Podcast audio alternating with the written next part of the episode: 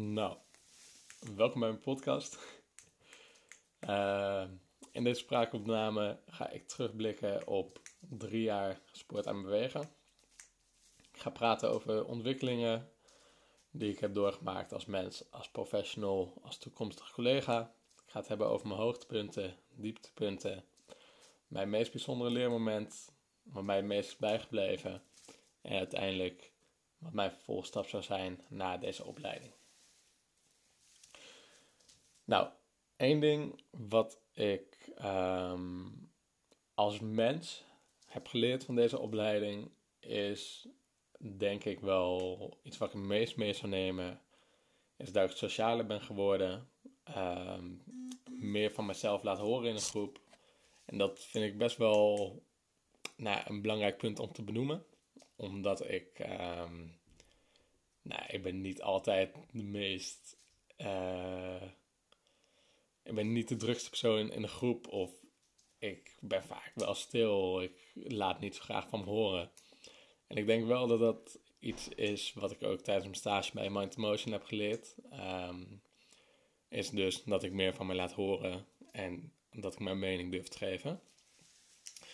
Nou, daarbij um, denk ik ook wat ik heb geleerd van deze opleiding is dat ik kritischer naar dingen ben gaan kijken ik neem niet zomaar iets aan. Ik durf mijn eigen mening te geven. Ik durf um, iets in twijfel te trekken. En ja, waardoor dat komt, ik denk, um, wat ik wel veel heb gehoord tijdens deze opleiding, is van niet één ding is correct. Dus je moet vooral je eigen manier van doen leren. Ja, op die manier um, ben ik dus iets kritischer naar dingen gaan kijken en ben ik gewoon na gaan denken waarom is iets zo.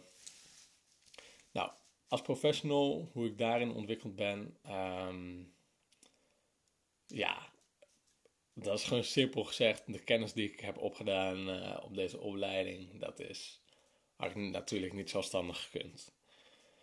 Ik ben nog niet uitgeleerd, dat zeker niet. Maar uh, ik denk wel dat ik dankzij deze opleiding wel een mooie basis heb om in het werkveld te stappen. Nou, als collega zie ik een beetje hetzelfde als, um, als professional. Maar ik denk um, dat ik geleerd heb als collega om hulp te vragen. En ook om um, ja, ook weer daar om een mening te hebben. Dus eerder dacht ik van, nou, ik kan het allemaal zelf wel. En, uh, maar ja, dat is dus niet Misschien in sommige gevallen wel. Maar ik heb wel geleerd van uh, samen kan je toch wel meer. Dus dat is eigenlijk ook wel, ik vind eigenlijk alleen maar goede dingen. Nou, mijn hoogtepunten. Nou uh, moet ik even goed nadenken. het is niet zo dat ik geen hoogtepunt heb gehad, maar ik denk um, wat op dat moment fijn was, is uh, dat ik voor mijn examen Engels gemiddeld een 10 sta. Vond ik wel even een prestatie. Vond het ook wel leuk, uh, of leuk. Vond ook wel grappig dat niemand het voor kon stellen van mij, omdat ik normaal gesproken en uh, nou ja, ik haal geen slechte cijfers, eerlijk is eerlijk. Maar ik ben wel een persoon die veel dingen uitstelt en werk op het laatste moment doet. Dus vandaar dat mensen het waarschijnlijk niet van mij hadden verwacht. Maar dat vond ik dus wel een leuk moment. En um, nou, ik kan niet specifiek een hoogtepunt benoemen van dit zal mijn leven lang bijstaan. Behalve gewoon leuke mensen die ik heb ontmoet in mijn klas. Dat. Nou, en het dieptepunt komen we toch weer terug op uitstelgedrag. Uh, ja, ben ik ooit echt sterk in de problemen gekomen hierdoor? Hoogstwaarschijnlijk wel. Want, nou, door het uitstelgedrag, ik raak gewoon een beetje het overzicht kwijt. Ik, uh, ik heb 101 leukere dingen te doen. En nou, het zal altijd wel een ontwikkelingspunt blijven, denk ik. Maar uh, als ik kijk naar afgelopen weken, ben ik er wel vooruit gegaan. Op, uh, op een minder uitstellen, direct aan de slag gaan. Oké, bijzondere leermomenten. Ik vind het lastig. En ja, dat is gewoon omdat ik op dat moment niet bij nadenk van dit is belangrijk voor mij. Maar ehm, nou, als ik kijk naar leermomenten als in lessen, dan vind ik wel dat Egge altijd de leukste, leukste lessen gaf. Dus dat, ehm, dat zou ik dan aangeven als een bijzonder leermoment.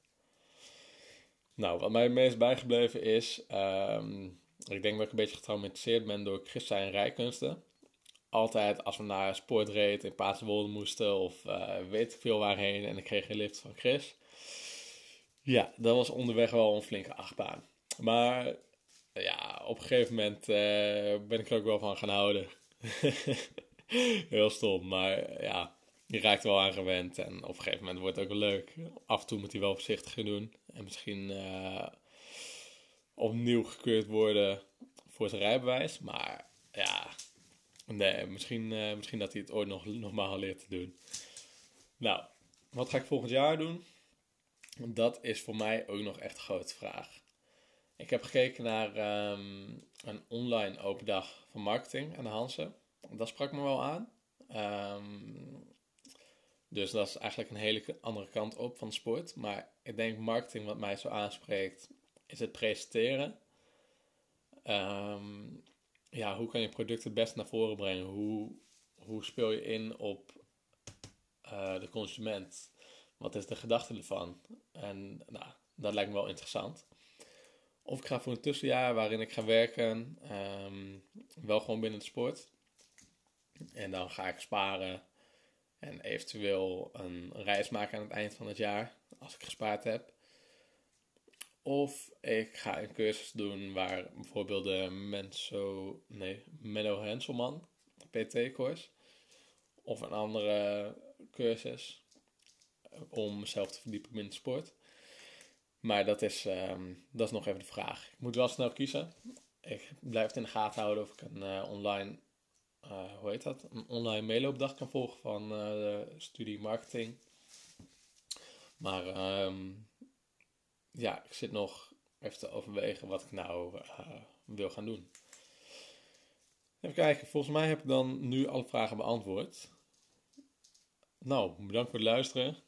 En nou ga ik even zoeken hoe dit ding stopt.